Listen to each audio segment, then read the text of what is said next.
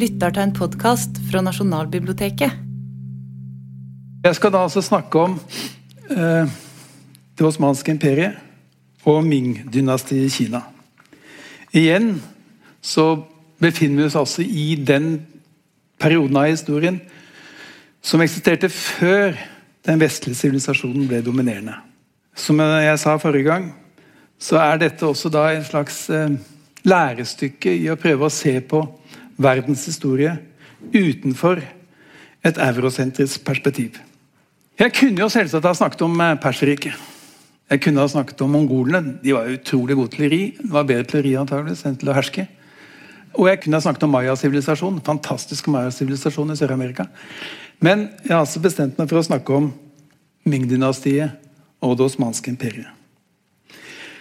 Og hvorfor det?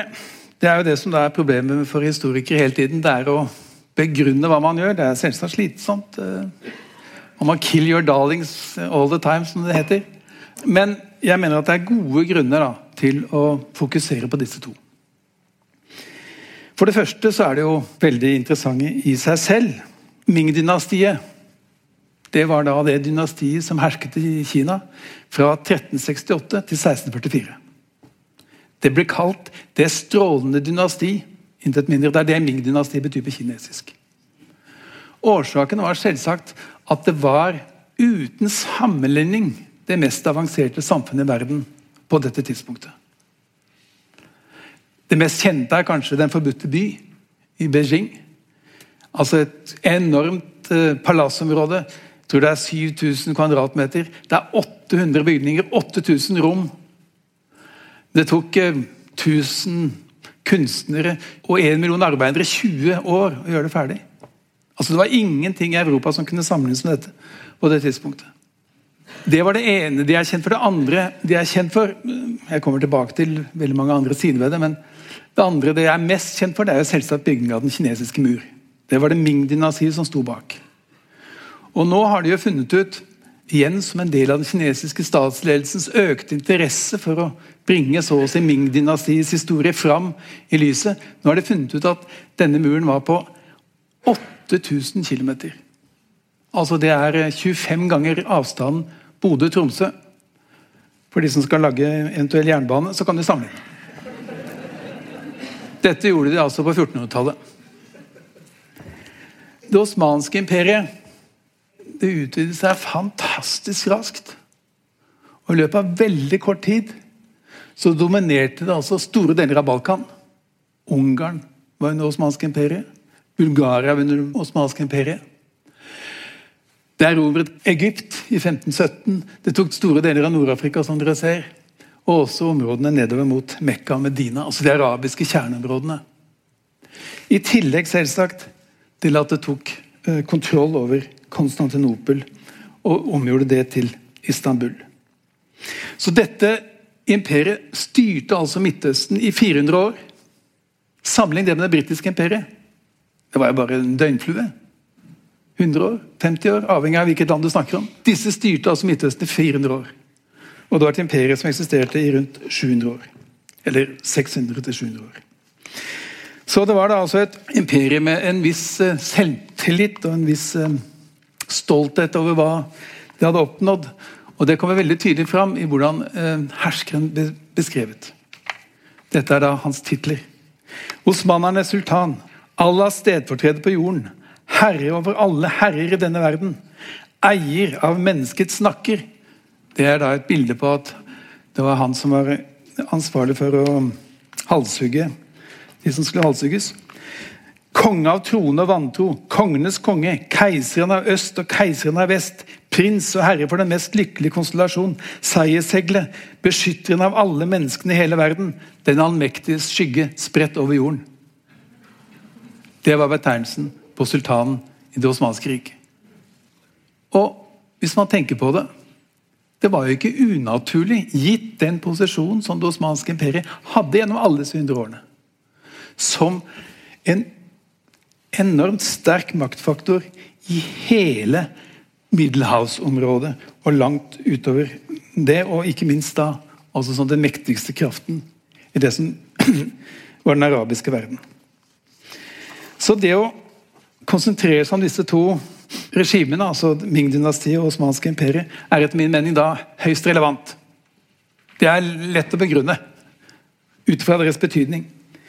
Men samtidig så er disse områdene blitt, og disse historiske epokene har blitt på en helt ny måte aktualisert pga. den politiske utviklingen i verden og pga. den politiske utviklingen i Kina og i Tyrkia. Nå er det jo sånn at Motsetningen mellom Kina og USA er som jeg vet veldig kraftig. Det er handelskrig osv. Og, så og, og det betyr jo at måten man nærmer seg Kina på, vil selvsagt bli påvirket av denne motsetningen, denne konflikten mellom Vesten og Kina. Når det gjelder Osmanske imperiet, så har jo det også fått en slags aktualitet i Norge. fordi at veldig mange av de nye landsmennene i Norge kommer jo fra det osmanske imperiets kjerneområder. Fra Syria. Kurdere. Tyrkere. Eh, Balkan. Som jo ble islamisert av, av eh, det, det osmanske imperiet. Altså, disse to historiske epokene har altså fått både en verdenshistorisk og nasjonalpolitisk betydning de ikke hadde bare for noen få år siden. Og For det tredje så vil jeg da komme tilbake til begge disse to regimene i de neste forelesningene. Altså Jeg vil sammenligne helt systematisk Ming-dynastiet og den kinesiske utviklingen og det osmanske imperiet med hva som skjedde i Europa i perioden 1700, 1800, 1900. Altså Hvorfor var det sånn at denne lille utkanten England lyktes i å industrialisere verden og bringe verden ut av jordbrukssivilisasjonens epoke. Og ikke Ming-dynastiet, og ikke Kina, og ikke det osmanske imperiet. Som jo, hvis man så på verden i 1500, da ville de fleste si at ja, det er disse som er kandidatene. Hvis det finnes noen til å bringe verden ut av jordbrukssivilisasjonens epoke. Så jeg vil komme tilbake til disse to områdene etter hvert. Men for det fjerde så er det sånn at disse eksemplene kan også tydelig illustrere det som for meg er et slags historieteoretisk poeng. Som, er, som vil gå som en slags underliggende tråd gjennom hele denne forelesningsrekken. Det er at det er ikke mulig å se på historien bare som noe som er forbi. Altså noe som er ugjenkallelig fortid. Nei, tvert imot. Historien sameksisterer med samtiden. Sameksisterer med oss her og nå. Fordi at både de Ming-dynastiets eh, historiske erfaringer og det osmanske imperiets erfaringer er blitt gjort til samtidspolitikk i dagens Kina og i dagens Tyrkia.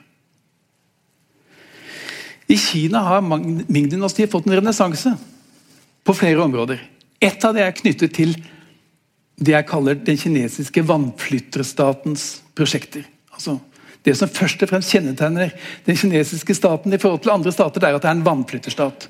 Fra tidenes morgen til i dag. Kineserne er ikke spesielt religiøse folk, men de har flere skapelsesmyter. og En av dem er myten om keiser Yu. Og Keiser Yu ble mytisk fordi han skapte verden. Det vil si han skapte Kina, men i deres perspektiv var jo det det samme. Han skapte Kina ved å kontrollere elvene Særlig Gulflod, men også Yangtze. Altså Det var på den måten det ble beboelig, dette eh, landet som senere ble Kina. Og Det ble fortalt når keiser Yu at han var så opptatt av dette prosjektet sitt om å flytte vann og kontrollere vann, at han jobbet med det i 30 år. Og han besøkte ikke sitt eget hjem en eneste gang i løpet av de 30, 13 årene, enda han gikk forbi det tre ganger. Og det er jo akkurat denne tradisjonen som Ming-dynastiet fulgte opp ved å iverksette det som er et av verdenshistoriens aller fremste teknologiske underverker, nemlig Keiserkanalen fra Yangtze-området til Beijing, som Ming-dynastiet gjorde ferdig på 1400-tallet. Etter at det første gang ble bygd ferdig på 600-tallet. Altså, mens keiser Yu skapte Kina ved å kontrollere vannet, så knyttet Ming-dynastiet nord og sør i Kina sammen ved hjelp av denne kanalen, som altså går fra Yangtze, Nanjing omtrent, opp mot Beijing. 1800 km. Er det langt? Jeg syns Telemarkskanalen er fantastisk. Den er på 100. Nå er det litt høyere høydeforskjeller. Den er på 72 meter, tror jeg, Telemarkskanalen. Her er den på, noen av 40. Men allikevel 1800 km. Det finnes ingen menneskeskapt kanal til dags dato som er lenger enn det de gjorde. Bortsett fra det kineserne nå holder på med. The Southern North Diversion Project. Altså, det er et av verdenshistoriens mest ambisiøse og fantastiske prosjekter som går ut på forandre rett og slett geografiens utseende. Det kineserne gjør nå, det er at de tar 5% av Yangtzes vannføring og fører den i tre kanaler mot nord. Én ender i Beijing. Den sto ferdig året før olympiaden. Én midt i landet, og én som skal ende opp i Gobiørkenen i 2050. Alle kanalene baserer seg på at man pumper vann fra Yangtze oppover. Kineserne diskuterte nemlig hva i all verden skulle de gjøre. De diskuterte på 1990-tallet. Skal Beijing eh, fortsatt være hovedstaden, eller må, vi, eller må, vi, flytte hovedstaden til der vann er? Eller må vi rett og slett flytte eh, vann til hovedstaden? De bestemte seg da for det siste. Sånn at, Jeg kommer tilbake til det litt senere. Men poenget er at denne kinesiske politikken i dag med å knytte igjen nord og sør sammen og skape harmoni, det er det de er opptatt av. De kaller det sustainability når de snakker med utlendinger, men for dem snakker de om mener de egentlig harmoni mellom nord og sør. Hvordan oppheve denne utrolig geografiske urettferdigheten mellom det nedbørsrike, grøderike sør og det mer nedbørsfattige, tørre nord? Jo, man tar rett og slett noe vann fra sør og flytter det mot nord. Og For kinesiske staten i dag så knytter man da altså dette prosjektet og man gir dette prosjektet legitimitet ved å vise til Ming-dynastiets fantastiske keiserkanal som verden har beundret i 500 år. Så Ming-dynastiet har altså blitt en slags legitimitetsprodusent for den fortsatte politikken til den kinesiske staten med å være en vannflytterstat. Men for det andre så er Ming-dynastiet også blitt viktig pga konfusjonismens nye rolle i Kina. Xi, altså presidenten og partilederen, holdt jo en tale på fødselsdagen til Konfusius. Det var 2656 år siden han ble født, så det er lenge siden. Men dette var jo et slags politisk Eller var uttrykk for et jordskjelv i, i, moderne kinesisk historie. for Hva var det kulturrevolusjonen til Mao Zedong dreide seg om? Jo, det var jo først og fremst en kritikk av konfesjonismen. Mao sa jo at han sa det til nevøen sin at det, den dagen kommunistpartiet kommer trekkende med Konfusius, da er det ikke lenger et kommunistparti. Han, de sa jo ikke sånn, kulturrevolusjon sånn, det er rett å gjøre opprør, bombarder hovedkvarteret, ikke hør på læreren din. Mens konfesjonismen sier jo prinser er prinser, Konger er konger, herskere er herskere. Fedre er fedre, og sønner er sønner. Altså, Kjenn din plass. Vit hva som er relasjonene, og ikke prøv å omkaste det som på en måte er den naturlige orden. Så da, da Si også da dro, på, dro til Konfusius' fødested, så holdt han en tale. Og Da sa han at det kinesiske kommunistpartiet var den lojale arvtakeren og forsvareren av Kinas fremragende tradisjonelle kultur. Altså et veldig tydelig eksempel på hvordan Ming-dynastiets historie og ideen om konfesjonismen som en slags hit i samfunnet, som noe som eh, kunne gi ny legitimitet til Kina, hvor kanskje det kommunistiske partiets tradisjonelle marxistiske retorikk ikke lenger hadde den samme oppslutningen. Da kan det være hensynsmessig å appellere til konfesjonismen, til Ming-dynastiet og dermed nasjonalisme. Fordi at Ming-dynastiet var jo tidligere, altså før Ming-dynastiet kom, så hadde jo det blitt styrt av Djengis Khans etterfølgere. Kublai Khan kom jo erobret et dynasti i Kina på slutten av 1200-tallet. Det var det for øvrig dynastiet som Marco Polo besøkte. ikke sant? Han kalte det da Katai, for at navnet Kina kom mye senere. Men altså, mens Ming-dynastiet var da et kinesisk dynasti. sånn at president Xi og det kinesiske kommunistpartiet ved å gjenoppvekke så å si, Ming fra historien og gjøre den til samtid, så bidrar han til, mener han selv og mener partiet, å øke den potensielle legitimiteten til statens politikk i Kina. Så det kommunistpartiet må gjøre nå, det er jo da å drive en utrolig komplisert balansegang mellom Mao-tradisjonen, Ming-tradisjonen og konfesjonismen. Og Det kommer jeg til å komme tilbake til i den nest siste forelesningen. Om hvordan det er mulig å tenke seg at dette scenarioet skal utspille seg for Kina i tiårene som kommer. Ok, Så poenget er altså at Ming-dynastiet er ikke bare historie. Man må forstå fortolkningen av Ming-dynastiet for å forstå det som er i ferd med å bli verdens mektigste land. Den 29. mai 2011 så skjedde noe helt nytt i Tyrkia. Da ga Erdogan, president Erdogan beskjed om at alle bussene i Istanbul skulle kjøre med flagg. Og Det var til minne om at osmanerne erobret og tok Konstantinopel. Som de gjorde 29. mai 1453. For første gang så bestemte da den tyrkiske statsledelsen at man rett og slett skulle gjøre den osmanniske erobringen av Konstantinopel til en slags festdag i Tyrkia. Dette er da en Nato-alliert som altså gjør til en festdag osmannernes erobring av det, det, som var da på en måte kristenhetens hovedstad i det gamle Mysans. Og det har vært det i hundrevis av år. Konstantinopel ble etablert og har jo spilt en veldig veldig riktig, og Bysants har jo spilt en veldig viktig rolle i kristendommens historie. Så han, Erdogan og han har jo blitt, Dette er jo veldig utbredt altså, å, diskutere akkurat denne utviklingen i Tyrkia. At Erdogan i større og større grad prøver å knytte an til den osmanske tradisjonen. Man kaller ham 'den nye sultan'. Og dette er noe helt nytt i tyrkisk historie. For at Det Erdogan da gjør, det er at han stiller seg i direkte konflikt med Atatürk-tradisjonen.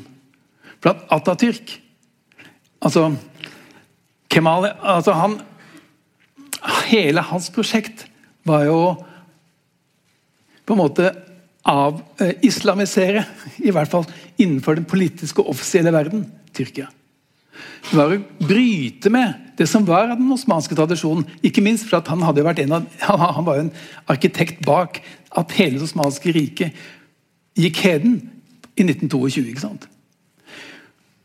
Men problemet for Erdogan og for AKP, de som styrer der i dag, det er to. For det første så er det jo troende muslimer og vil derfor gjerne vekke til live denne storhetsperioden i den islamske sivilisasjonens historie. Men for det andre så oppfatter de også Erdogans tyrkiske nasjonalisme som utrolig splittende internt i Tyrkia. Fordi at det er jo 18% for eksempel, kurdere. Og disse kurderne og de tyrkiske minoritetene er jo overhodet ikke spesielt begeistret for den atatyrkiske tyrkiske nasjonalismen.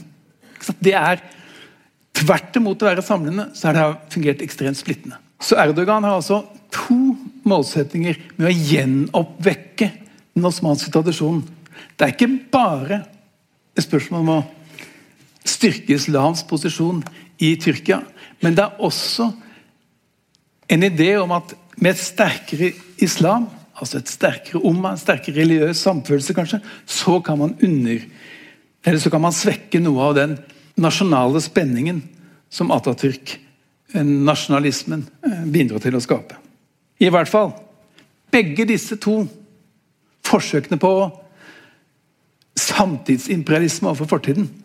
Altså Begge disse to forsøkene på å definere historien på en ny måte for å bestemme fremtiden gjør det relevant, etter min mening, å nettopp fokusere på disse to eh, regimene. Altså Ming-dynastiet og det osmanske imperiet. Men jeg skal ikke diskutere noe av det. Jeg skal heller ikke diskutere forholdet mellom sivilisasjoner, forholdet mellom Vesten og Kina, forholdet mellom Vesten og osmanske imperiet. Jeg skal først og fremst prøve å diskutere hvordan kunne Ming-dynastiet og det osmanske imperiet bli det viktigste regimet i verden i denne perioden. Og hva var det som kjennetegnet deres utvikling? Altså Jeg skal prøve å se disse områdenes utvikling ut fra hva som skjer innenfor disse områdene, ikke så mye skjele til relasjonen til Vesten. Ikke sant? Igjen så man da støter man på en rekke mm, fortolkningsmessige problemer. Fordi det viser seg jo at gang på gang, og dette er jo et allment fenomen, så er det sånn at måten man forstår andre samfunn på, veldig ofte blir forenklet på helt bestemte måter. Og det blir ikke minst ofte erobret konseptuelt, erobret eh, politisk, som et virkemiddel i hjemlige politiske strider. Og når det gjelder Kina, så finnes det masse eksempler på det. Fra tidenes morgen, nærmest. Allerede Montesquieu og Voltaire de leste de samme bøkene som var skrevet av noen jesuitter om Kina, men de kom til stikk motsatte konklusjoner i samsvar med hva som var deres eget politiske prosjekt i Frankrike. Voltaire oppfattet Kina som et fantastisk idealsamfunn, for at det hadde ikke dette fæle presteskapet som, og katolske kirken som har slåss så fælt med i Europa og Frankrike. ikke sant? Så for han så ble da Kina et slags idealsamfunn. For Montesquieu derimot så var det et samfunn som var preget av despoti og tilbakeliggenhet. Men det var akkurat det samme samfunnet de snakket om. Men de så det innenfor ulike perspektiver. Innenfor ulike filtre. Og på 1800-tallet da ble jo Kina og det osmanske imperiet, men særlig Kina, selve sinnbildet på tilbakeliggenhet og på stillestand og på orientalsk despoti. Da hersket jo industrialiseringens triumf i Europa. ikke sant? Og Karl Marx og Hegel begge var skjønt enige om at det som var problemet med Kina, det var at det overhodet ikke hadde utviklingens muligheter. Og Vi som har levd en stund, vi husker jo veldig godt 1970-tallet og 70-årene. Om eh, tredje verden-teorien og alt det der. ikke sant? Hvordan da Kina plutselig ble selve sinnbildet på verdensrevolusjonen, og det ble da importert inn i Norge som en slags utgangspunkt for å kritisere det norske samfunnet. Det morsomste og tydeligste eksempelet på det er jo selvsagt Arild Assens og Dag Solstad. Sikkert noen har lest den boka. Der forteller han om hvordan da Arild Asnes ligger på en divan i en spekesgate, tror det var, og ser for seg det Kina. Det virkelige Kina. Og han ser det for seg med øynene igjen. Han hadde ikke lest noen ting. Behøvde ikke lese noen ting. For at han så det for seg.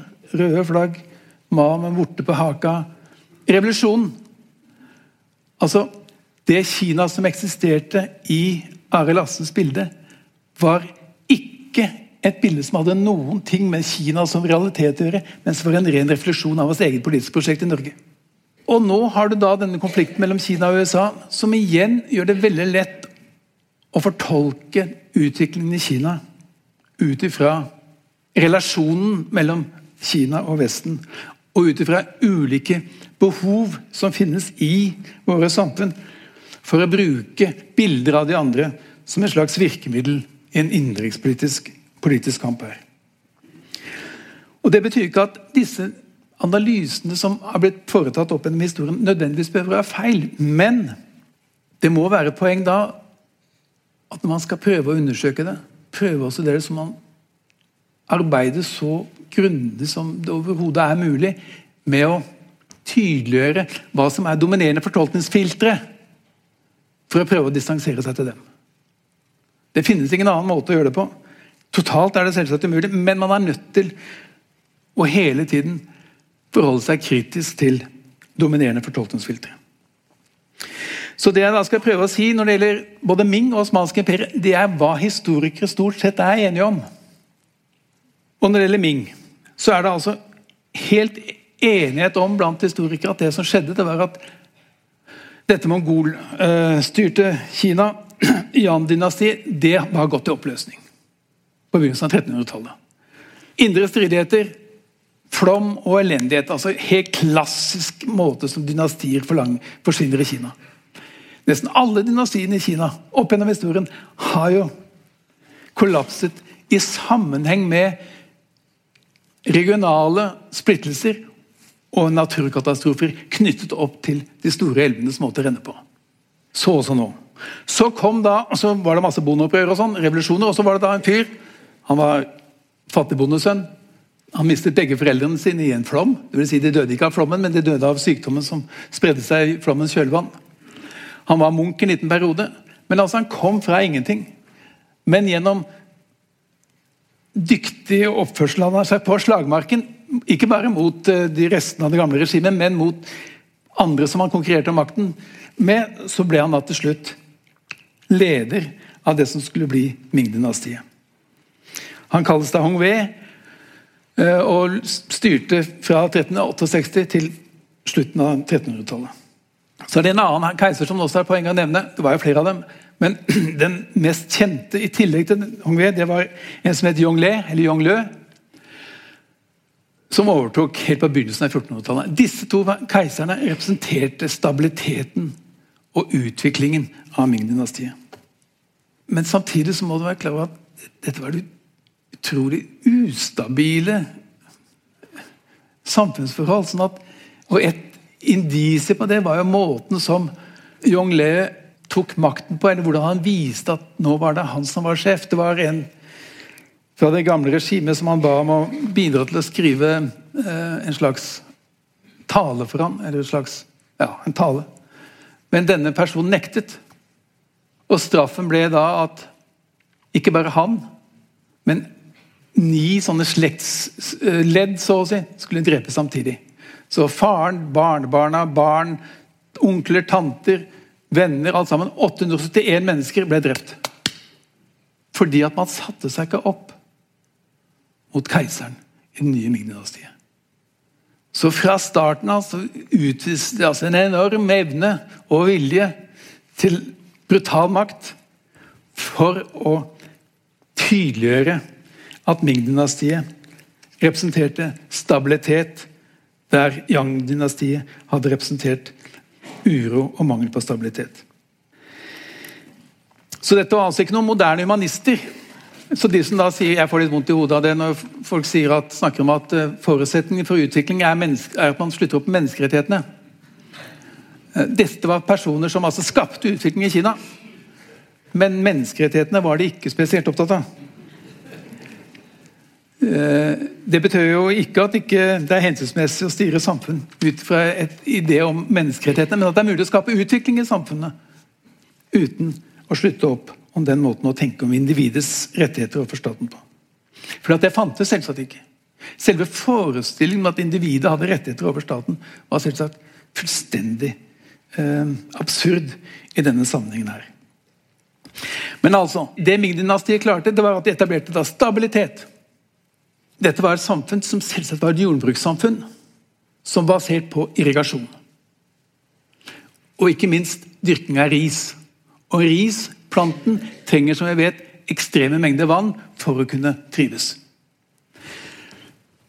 Kina ble ofte kalt en del av monsun-Asia. Hva betyr det? Jo, det betyr at hele jordbrukets syklus påvirkes av måten monsunen renner på. og måten monsunen faller på. I tillegg da til at Kina hadde disse elvene som kom fra Himalaya, og dermed hadde isbrevann og kunne renne store deler av året. Poenget er at Ming-dynastiet tredoblet arealet dyrkbar jord i løpet av noen få tiår. Altså En fantastisk bedrift. ikke sant? Men hva skyldtes det? Jo, det skyldtes at det fulgte i keiser Yus fotspor. De drev med vannbygging, de drev med kanalbygging, de bygde reservoarer dag og natt. Omtrent som kinesiske kommunistpartiet har gjort etter 1949. De har bygd et stort vannreservoar, eller vannkontrollverk. Tre stykker per dag i gjennomsnitt. Det moderne Kina. Ikke sant? Sånn at denne tradisjonen med å kontrollere, utnytte, føre vann fra de store elvene ut til, til eh, jordbruksåkrene, det var altså også en virksomhet og en økonomisk aktivitet som Ming-dynastiet lyktes i, og lyktes i i sudvanlig grad. I tillegg så begynte hun å drikke te. Har det noe sagt? Ja, Det er bra kanskje å drikke te, men fordelen med det det var at de begynte å koke vannet. Og Det innebar at befolkningen økte. Det bidro til at befolkningen økte veldig raskt. Så mens det altså i, 15, i 1500 var 65 millioner mennesker i Kina, tror jeg, etter det jeg husker, så var det 1,2 millioner i England. Men i 1660 så hadde det allerede blitt 160 millioner mennesker i Kina. Altså en fenomenal økning i befolkningen.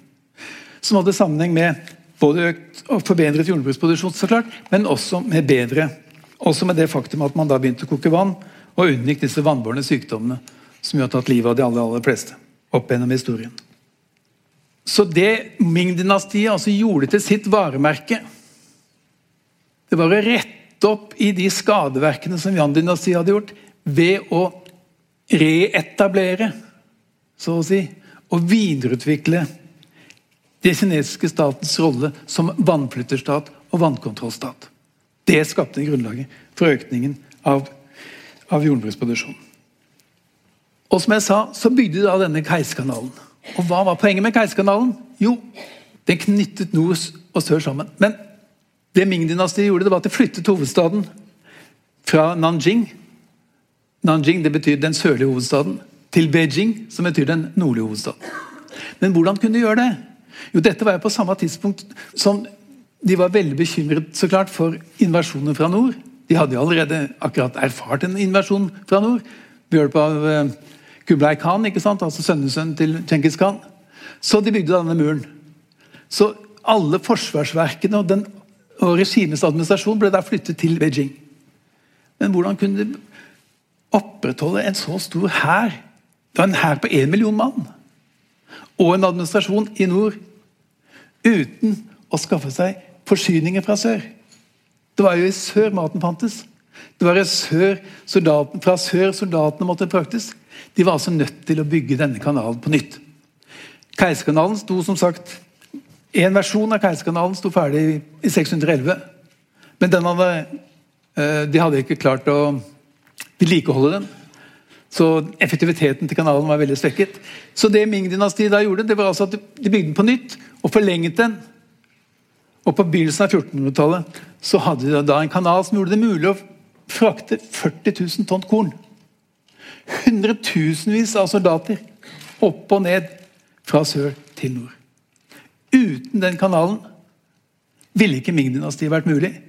Og uten den kanalen ville heller ikke de andre bedriftene som Ming-dynastiet sto for, vært mulig.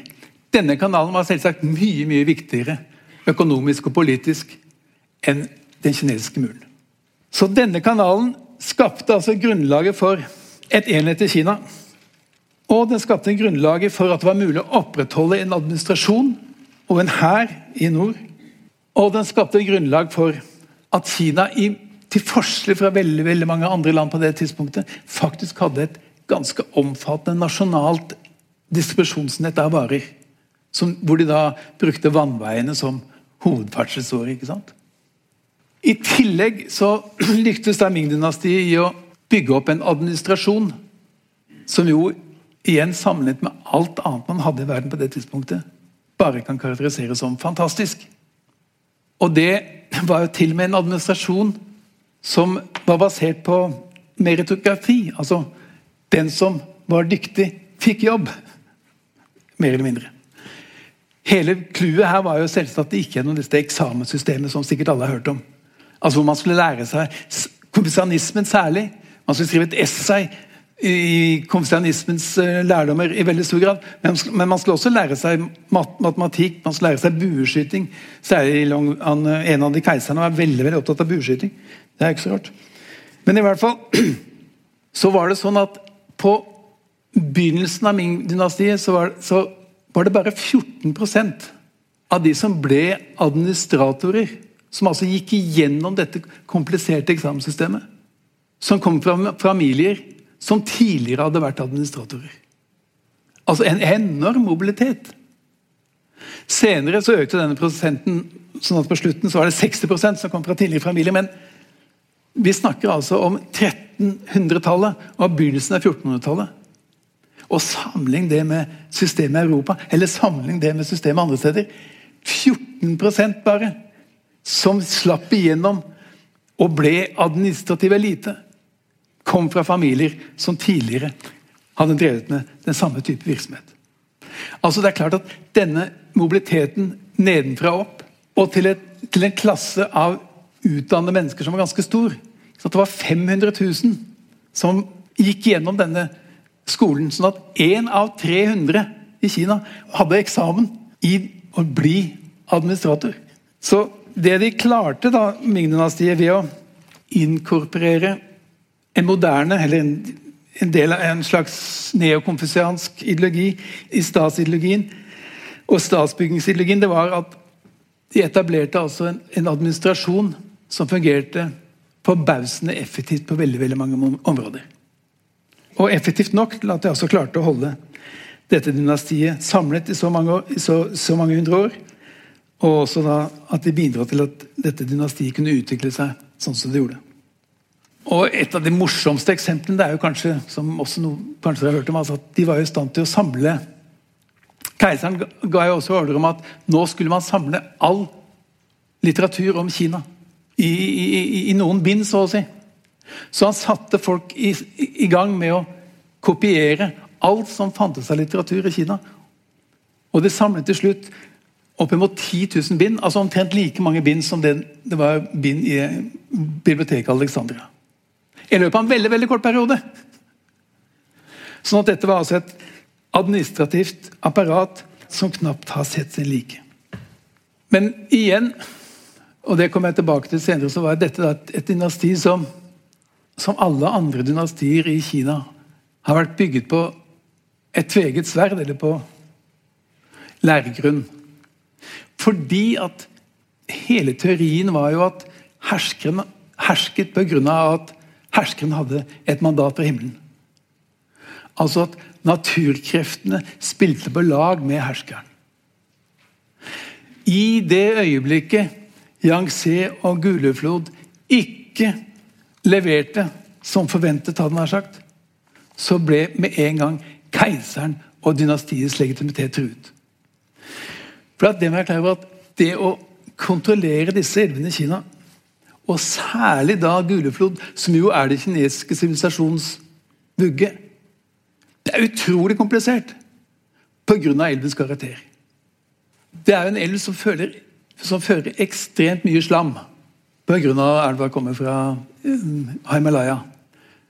Og hele den kinesiske sletten som elva har produsert, er bygd opp av dette sanden eller dette slammet. ikke sant? Men pga. at elven fører så mye slam, så vil jo den også hele tiden legge igjen slam når den renner over sletta. Hvilket betyr at elvebunnen vil komme høyere og høyere. høyere. Sånn at Det som var den kinesiske statens oppgave, og som har vært den kinesiske statens oppgave siden tidenes morgen, det er jo å kontrollere denne elva med diker. Og For å kunne kontrollere elven med diker, så må du ha et veldig sterkt sentralisert statssystem. Fordi at Bygger du for gode diker, så blir det for mye vann nedstrøms. Bygger du for dårlige diker, vel, så blir dikene ødelagt, og folk som bor langs elva, oversvømmes. For at man er klar over at Her stiger elva så mye at hvis du går på den kinesiske sletta langs med elva, så, så ser du noen ganger at elva er 20 meter høyere enn der du går. Altså, Du må se opp på elven. Det er jo veldig uvanlig for oss som er vant til veddaler. Hvor er elven denne? Nei, Du må se opp. Og du må bygge høyere og høyere diker. Og det er jo sånn at I Kinas historie de siste 2000-3000 årene så har det ikke vært altså hvert To av tre år har det vært alvorlige dikebrudd. De største naturkatastrofene i menneskehetens historie er jo knyttet opp til Gulleflod. Den aller, aller største var jo så sent som 1931. Hvor det var Tallene varierer så klart, men la oss si 3-4 millioner mennesker som døde pga. flommen. Sånn at Oppgaven som da staten hadde, krevde total lydighet, så å si. Aksepterte ikke ulike regionale oppfatninger av hvordan dette skulle gjøres. Nei, alt måtte gjøres etter én plan. Og i det øyeblikket staten da mistet legitimitet og mistet denne kraften til å iverksette disse kollektive arbeidene, så ville grunnlaget for jordbruksøkonomiens fremgang være truet umiddelbart. Og Det er nettopp det som har vært Kinas akilleshæl, og det er det som er noe av problemet med å styre med himmelens mandat dersom himmelen svikter. Så til det osmanske imperiet. Igjen så ser dere hvor raskt og hvor systematisk det osmanske imperiet har utvidet seg. Men dette var jo ikke sånn at dette kom av seg selv. Så bygde jo dette på islams fantastiske ekspansjon fra Mohammeds tid. Det som var et lite område rundt Mekka Medina, ble i løpet av det første kalliftens tid Omar og Otman, det ble utvidet til store deler av Nord-Afrika. Hele Arabia. Araberverden, så å si. Og til og med på 700-tallet deler av Spania og Portugal. Andre gikk mot øst og erobret Afghanistan, for så senere å underlegge seg India. Eh, men det skjedde først på 1500-tallet at India ble en del av det mogalske imperiet. Men i hvert fall, det osmanske imperiets ekspansjon hvilte altså på en tradisjon. Så hvorfor var det sånn at det islamske imperiet, eller at den islamske ekspansjonen var så vellykket? Jo, for det første, og det kan vel ikke underspilles, eller det kan vel ikke understrekes nok, at islam på dette tidspunktet oppfattet seg jo som mottakere av den ene Guds siste beskjed til menneskeheten. Og det kom på arabisk. Gud valgte, eller Allah valgte, å kommunisere med menneskeheten på arabisk. Og man fikk da denne boken, Koranen, som var rett og slett Allahs ord. Det er klart at det å besitte den viten at du er så å si forvalter av Allahs beskjed til menneskeheten, det må ha vært en veldig viktig ansporing til å spre budskapet. Fordi at islam var jo en universalistisk religion i den forstand at man mente at alle i hele verden burde slutte opp om den. Dessuten så hadde jo islam noen felles enhetsskapende ritualer. Og en, en form for bekjennelse som var veldig enkel å forstå. For det var bare å bekjenne seg som muslim, så ble man muslim. Så kombinasjonen av denne enkle måten å konvertere til islam på, med ritualer som er veldig lett gjenkjennelige og enhetsskapende, må jo også ha bidratt til at mange sluttet opp om denne nye troen når de støtter på den i form av arabiske handelsmenn eller i forhold til, i forhold til islamske eh, troende. For det tredje så var jo de islamske lederne samtidig militære ledere. Altså Man hadde i islam helt fra starten av en en, en, struktur som jo selvsagt er veldig veldig forskjellig fra kristendommens. for at Jesus som vi vet, for eksempel, han døde på korset som en opprører. Mens Mohammed fra første stund av var statsleder. Og hans etterfølgere var ikke bare statsledere, men også militære ledere. Altså Man hadde en, en, en sammenbinding av politikk, religion og, og, militær aktivitet som var helt enestående. Som må ha vært eh, bidrags må, må ha bidratt til at man lyktes i å ekspandere så fort. I tillegg så hadde man selvsagt kamelen som en veldig viktig teknologisk faktor i det å ekspandere disse områdene. Fordi at det var uovertruffen som fraktdyr, både av soldater og av eh, det man tenkte for å føre krig. Dessuten så hadde man også fra starten av denne politikken om å skattlegge de som ikke trodde. Altså at man, at man gjorde det ufordelaktig å opprettholde andre eh, religiøse overbevisninger enn den muslimske, fordi at da ble man ilagt skatt. Så det er klart at For de som tenkte på pengepungen, så var det da hensynsmessig å konvertere fort. Og greit. Og det er klart at det også må ha vært en veldig smart måte å oppnå oppslutning om denne nye måten å organisere samfunnet på og tenke om religion og Gud på. Og ikke minst så hadde du da eh, i bunnen veldig fruktbare jordbruksområder. ikke sant? Gamle som vi snakket om forrige gang, gamle sivilisasjonen langs Eufrat Tigris. Sivilisasjonen langs eh, langs Nilen i Egypt. Altså områder som produserte masse jordbruksvarer, sånn at det var mulig å opprettholde både store hærer, og som gjorde det mulig å drive omfattende handel innenfor dette området. Så da det osmanske imperiet oppsto på 1200-tallet, så var det altså på et tidspunkt hvor islam allerede hadde blitt en verdenskraft. Den islamske verden hadde vunnet så å si, kampen mot kristendommen i forbindelse med korstogene. Uh, ja. Veldig mange av de gamle kristne områdene var jo blitt islamsk.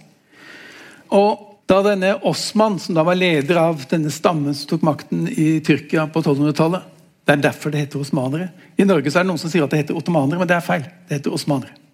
Det er pga. at i Norge så heter da denne stammelederen Osman. Han tok da makten i denne tyrkiske stammen og gjorde seg til herre i Tyrkia på slutten av 1200-tallet. Og I løpet av kort tid så underla han seg store områder og gjorde det altså til arabernes hersker. Araberne, som jo var det området som hadde fått Koranen av Allah. De ble nå styrt av tyrkerne. Enorm viktig endring med store konsekvenser langt inn i vår tid. Bysants med Konstantinopel var jo på en måte kristenhetens eh, utpost i øst. Hadde blitt mer og mer svekket.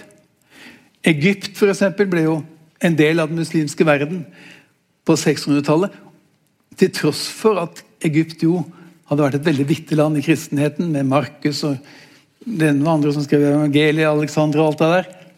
Men de valgte å slutte seg til å støtte opp om de islamske erobrerne framfor å fortsette å være under det bysantiske imperiet. Fordi at det bysantiske imperiet var rett og slett ikke i stand til å gjøre det som uh, de forventet av dem, i tillegg til at det var masse religiøse stridigheter i hvordan man skal fortolke ulike religiøse spørsmål.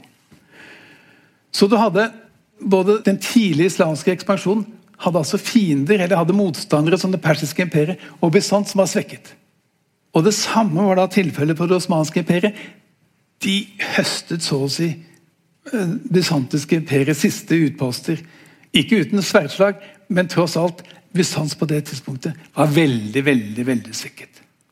Så at i 1500, eller i vår tid, i den perioden som jeg fokuserer på, så, vil, så, er det da altså mulig å si at osmanske imperiet eh, dekker så å si alt det som var av den gamle bysantiske tradisjonen, bysantiske sivilisasjonen.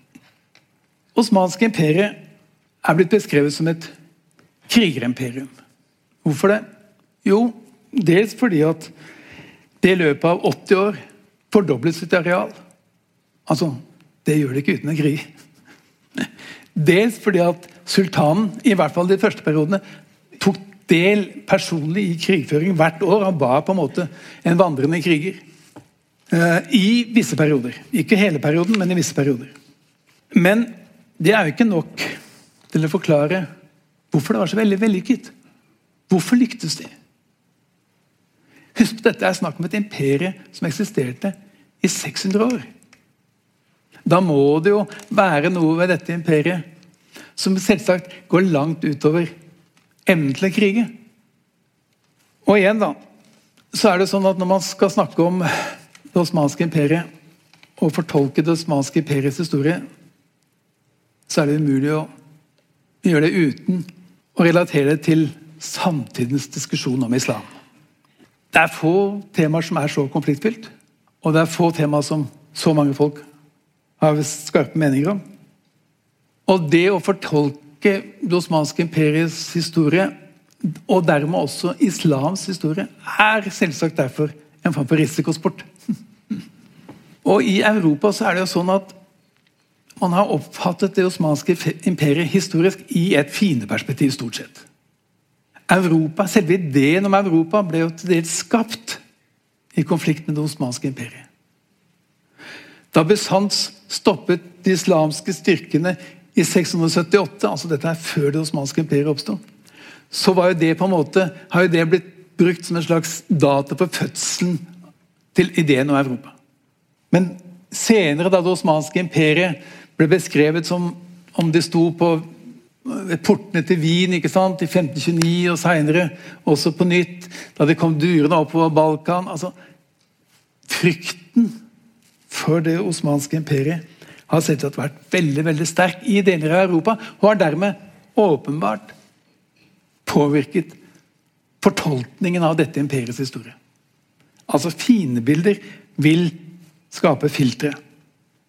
Nå er det jo ofte sånn at hele denne problemstillingen har blitt snudd på hodet. Fordi at korsfarertiden i nyere samfunnsmessig diskurs eller diskusjon har blitt oppfattet utelukkende som et angrepsprosjekt fra det vestlige kristenhetens side mot islam. Og det er blitt vanlig, og ikke uvanlig i hvert fall i norsk sammenheng også, å snakke om at islam er en slags fredens religion. Og at det å kritisere, eller det å diskutere på en nøktern, eh, analytisk måte eh, islams rolle i, i samfunnsmessige prosesser ofte, i hvert fall i noen sammenhenger, veldig lett blir beskrevet som islamofobi og sånne ting. Det som er helt sikkert er at Når man skal studere det islamske imperiet, så kan man ikke studere denne historien baklengs. Altså Man kan ikke ta utgangspunkt i hvordan man oppfatter verden nå. Man må prøve å forstå det ut ifra det islamske, eller det osmanske imperiets selv, så å si. Og hvordan det var i stand til å utvikle sine egne forutsetninger. Men én tradisjon må forkastes, og det er tradisjonen til Edvard Said. Jeg vet ikke om det er noen som kjenner til Edvard Saids kritikk av orientalismen.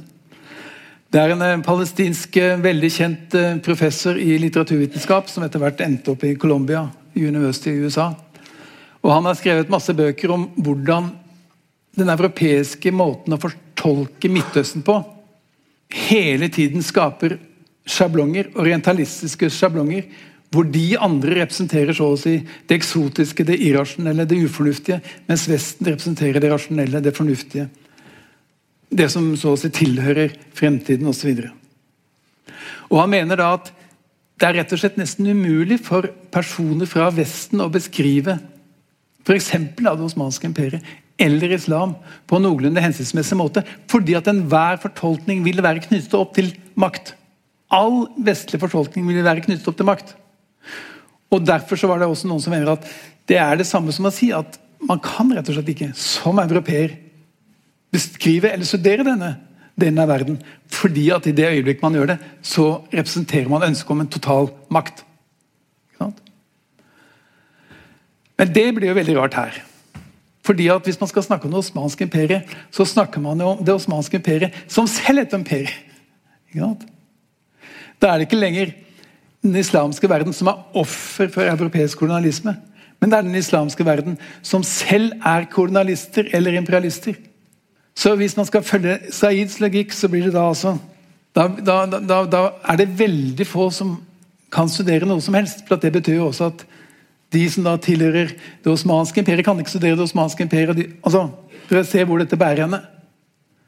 Hvis man reduserer fortolkningens mulighet på den måten, at det ikke er mulig å studere det uten et ønske om total makt, eller uten at fortolkningene påvirkes av maktforhold mellom land og mellom sivilisasjoner, da oppheves jo grunnlaget for enhver virkelig historisk disiplin, som er uh, universell i den forstand at alle folk kan holde på med å diskutere om det på lik linje.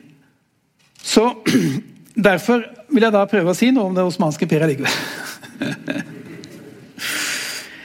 og altså Igjen vil jeg da prøve å si hva alle historikere er enige om. Og det alle historikere tror jeg er enige om, uansett om de er tyrkere, engelskmenn, eller egyptere, eller muslimer eller ikke-muslimer, så er det at det osmanske imperiet var en militærstat med en veldig profesjonell administrasjon. Og det var en stat som var bygd opp på grunnlag av hva som kalles tributtøkonomi, eller en slags tributtemperie. Altså at de områdene som de underla seg, de kunne gjøre hva de ville, hadde nær sagt. Bare de betalte skatt til sultanen i Istanbul. Altså, De var ikke ute etter å omforme eller utvikle eller Nei, betal skatt, så er vi fornøyd. Denne skatten tok da ulike former. Alle er også enige om at én form som denne skatten tok, det var hva de kaller blodskatt.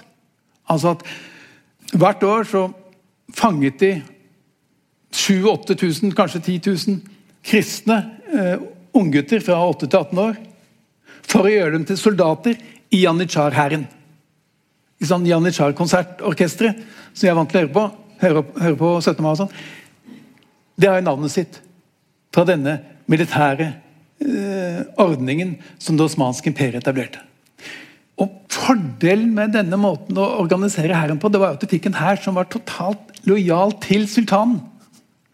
Fordi at mange av de viste seg hadde muligheter til å drive mobilitet innenfor den islamske osmanske staten etter at de hadde konvertert til islam. Og det gjorde selvsagt alle sammen. Sånn at denne janitsar-hæren ble da altså et veldig effektivt, profesjonelt redskap i sultanens hender for å styrke og opprettholde og utvide det osmanske imperiets maktbasis og makt. Det tredje de aller fleste er enige om, det er at de etablerte noe som heter et millettsystem. Det betyr at de ulike religiøse minoritetene fikk en viss form for begrenset selvstyre. Altså De kunne fortsette å tro som de ville. Sultanen brød seg ikke om det. Forutsatt at de betalte skatt, og forutsatt at de utviste lydighet overfor staten. Altså igjen, Noen i Norge og andre steder beskriver det osmanske imperiet som en slags tidlig utgave av det multikulturelle samfunn. Det var et veldig kosmopolitisk samfunn. Istanbul var jo en kosmopolitisk by. Grekere Språket var jo veldig lenge på gresk. Og etter hvert så kom det franskmenn, det kom engelskmenn altså Det var russere altså Det var en, en kosmopolitisk by i forhold til veldig, veldig mange andre byer på det samme tidspunktet i verden. Men dette Millet-systemet var jo overhodet ikke multikulturalistisk. Fordi at det var jo basert på, i kjernen, en ulikhet i forhold til staten mellom muslimene, som staten var basert på. Det muslimske umma det var det som skapte si, forutsetningen for at hele dette området kunne opprettholde en enhet. Det var jo basert på denne felles religiøse forestillingen. Pluss at det var mange som hadde interesse, økonomiske egeninteresser av å opprettholde dette tributtsystemet. Men det var altså allikevel et system som fungerte veldig veldig godt over mange mange år. Og hvor man da kan si at det faktisk fantes en viss form for religiøs toleranse innenfor det osmanske imperiet.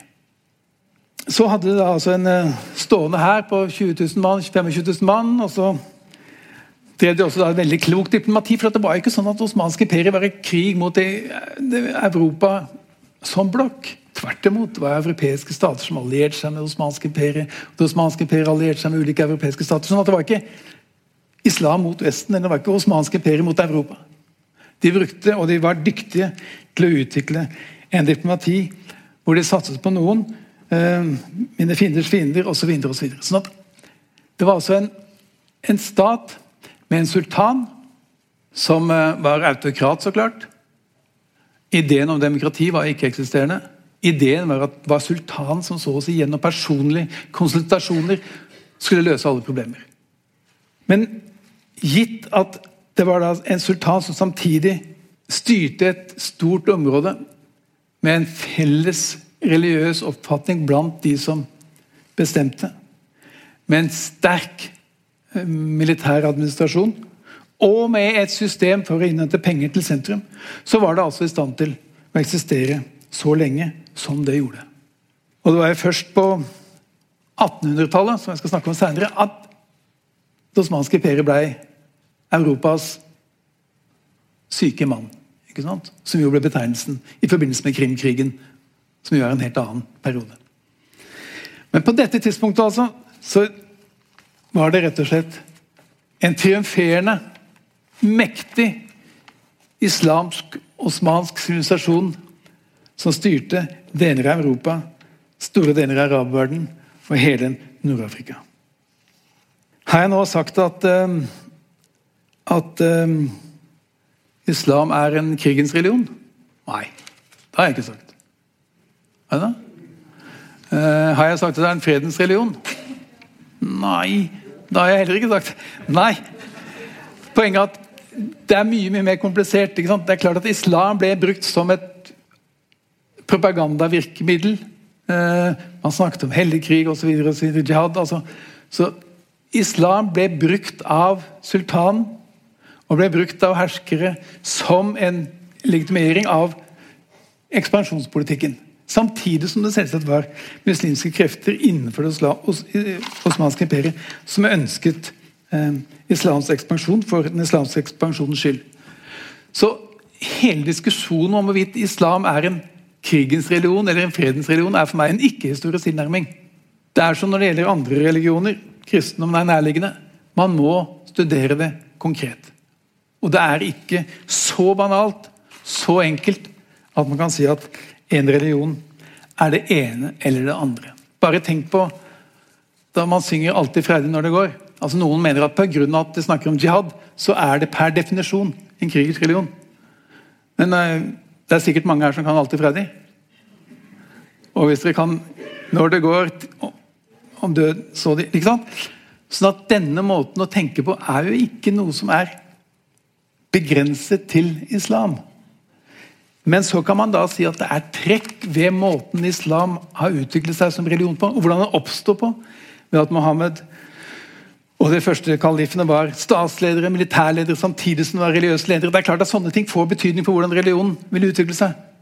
Får betydning for hvilken rolle religion spiller i ulike samfunn.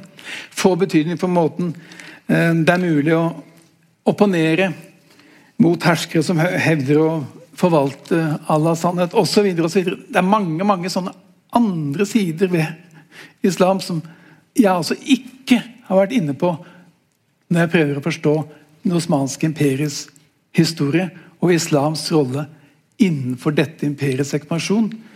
Og i en diskusjon om det på grunnlag av dette imperiets historie er mulig å konkludere om islam er en krigens religion eller en fredens religion. Så hva er det jeg har sagt? Eh, altså, Jeg snakket om to ulike to vellykkede og imperiedannelser. Ikke tvil om det. Jeg har snakket om at de har noen fellestrekk. Men jeg har også snakket om at de er veldig veldig forskjellige. Veldig forskjellige hensyn på økonomisk basis. Kina er en jordbrukssivilisasjon. Ekstremt innovativ på veldig mange områder. Den islamske sivilisasjonen og spansk sivilisasjon i mye større grad basert på handel, Silkeveien, urbane sentra osv. hadde sentrale produktive jordbruksområder, dem også, men var ikke på samme måten en jordbrukssivilisasjon og en irrigasjonssivilisasjon sånn som Kina. Religionens rolle er selvsagt annerledes. I Kina var det ikke snakk om noe presteskap, det var ikke snakk om noe ulama. fordi de hadde ikke religion av den typen. Det var heller ikke snakk om en religion som eh, hadde spor av sånn predestinasjonslære, eller at Gud bestemte hva som skulle skje, eller Allah bestemte hva som skulle skje. Altså, Konsernismen er jo ikke innenfor det feltet i det hele tatt, eller den kinesiske religionen er ikke innenfor det området i det hele tatt. Konsernismen er mye mer en statsbyggingsideologi. Det er mer en styre Det er mer en ideologi om hvordan et samfunn skal utvikles harmonisk. Om hvordan mennesket, det enkelte mennesket kan bidra til det. Det osmanske riket var åpenbart mer kosmopolitisk enn Kina. Kina eh, var jo da, og også senere, selv om det var jo selvsagt visse unntak Mange har sikkert hørt om ekspedisjonen til Sjøhe, som jo også var under Ming-dynastiet. ikke sant? Altså, I 1405 så sendte jo Yonglø-keiseren ut denne ekspedisjonen med båter som var fem ganger større enn den båten som eh, eh Columbus brukte under, under ferden til eh, India, som han trodde, altså til USA. Og, og det var jeg tror det var 17, et mannskap av 17 000 som deltok på den ene flåteturen som ble organisert fra Kina til Øst-Afrikakysten. Men til tross for dette så kan man si at Kina var mindre kosmopolitisk enn det det osmanske imperiet var, uten tvil. Men så kan man da si Var det religion som hindret dem? Hvis man skal tro Max Weber, og hvis man skal tro veldig med europeisk samfunnsforskning, så var jo hovedårsaken til at Vesten lyktes i å industrialisere først, det var at man her hadde den protestantiske etikken. Som skapte den kapitalistiske ånd, som er tittelen på Max Webers veldig veldig berømte bok. her hadde man en idé om, det, om, om livet her og nå som var helt annerledes enn det som var tilfellet innenfor det asiatiske religionen innenfor islam. Som innebar at her så begynte man da å investere. Man ville ha penger, verpe penger, hadde nær sagt. Og man ble entreprenører i Luthers ånd. Er det sånn at det var islam og konfesjonismen som var årsaken til at de ikke forandret disse samfunnene mer enn det de gjorde, og til at de ikke lyktes i å bryte ut av jordbrukssivilisasjonens epoke? Det er et av de spørsmålene jeg skal stille neste gang. For husk på, Dette er tiden før de store oppdagelsene. Og det er altså tiden før siste bildet. Leonardo da Vinci malte Mona Lisa. Hvorfor viser jeg Mona Lisa til slutt? Dette bildet ble malt i 1504. Og det det viser, det er først og fremst at dette var et tidspunkt hvor Europa fortsatt var i full intern strid. Har det noe med det bildet av en borgerdame å gjøre? Ser dere helt i øvre høyre hjørnet der? Der er det en elv. Og den elven heter Arno. Det er den elven som renner gjennom Firenze. Fordi at På dette tidspunktet så satt Leonardo da Vinci sammen med Machiavelli, han som skrev om fyrsten, ikke sant? han som var den store maktteoretikeren i europeisk middelalder eller renessanse.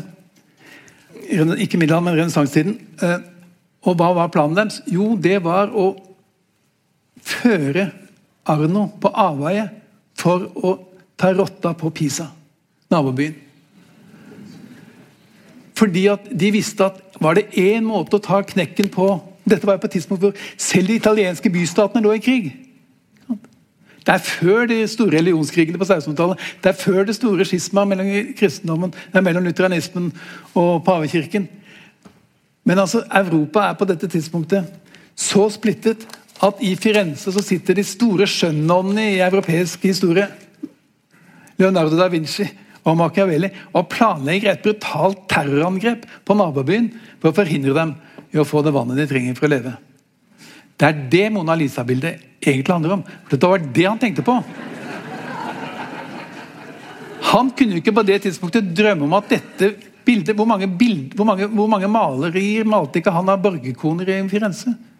Han kunne ikke ane at dette ble så veldig berømt bare fordi han smile på den måten. Så det han tenkte på, mener han ungen, det var hvordan skal jeg lage de rette tegningene for å føre elven på avveie? Takk for meg.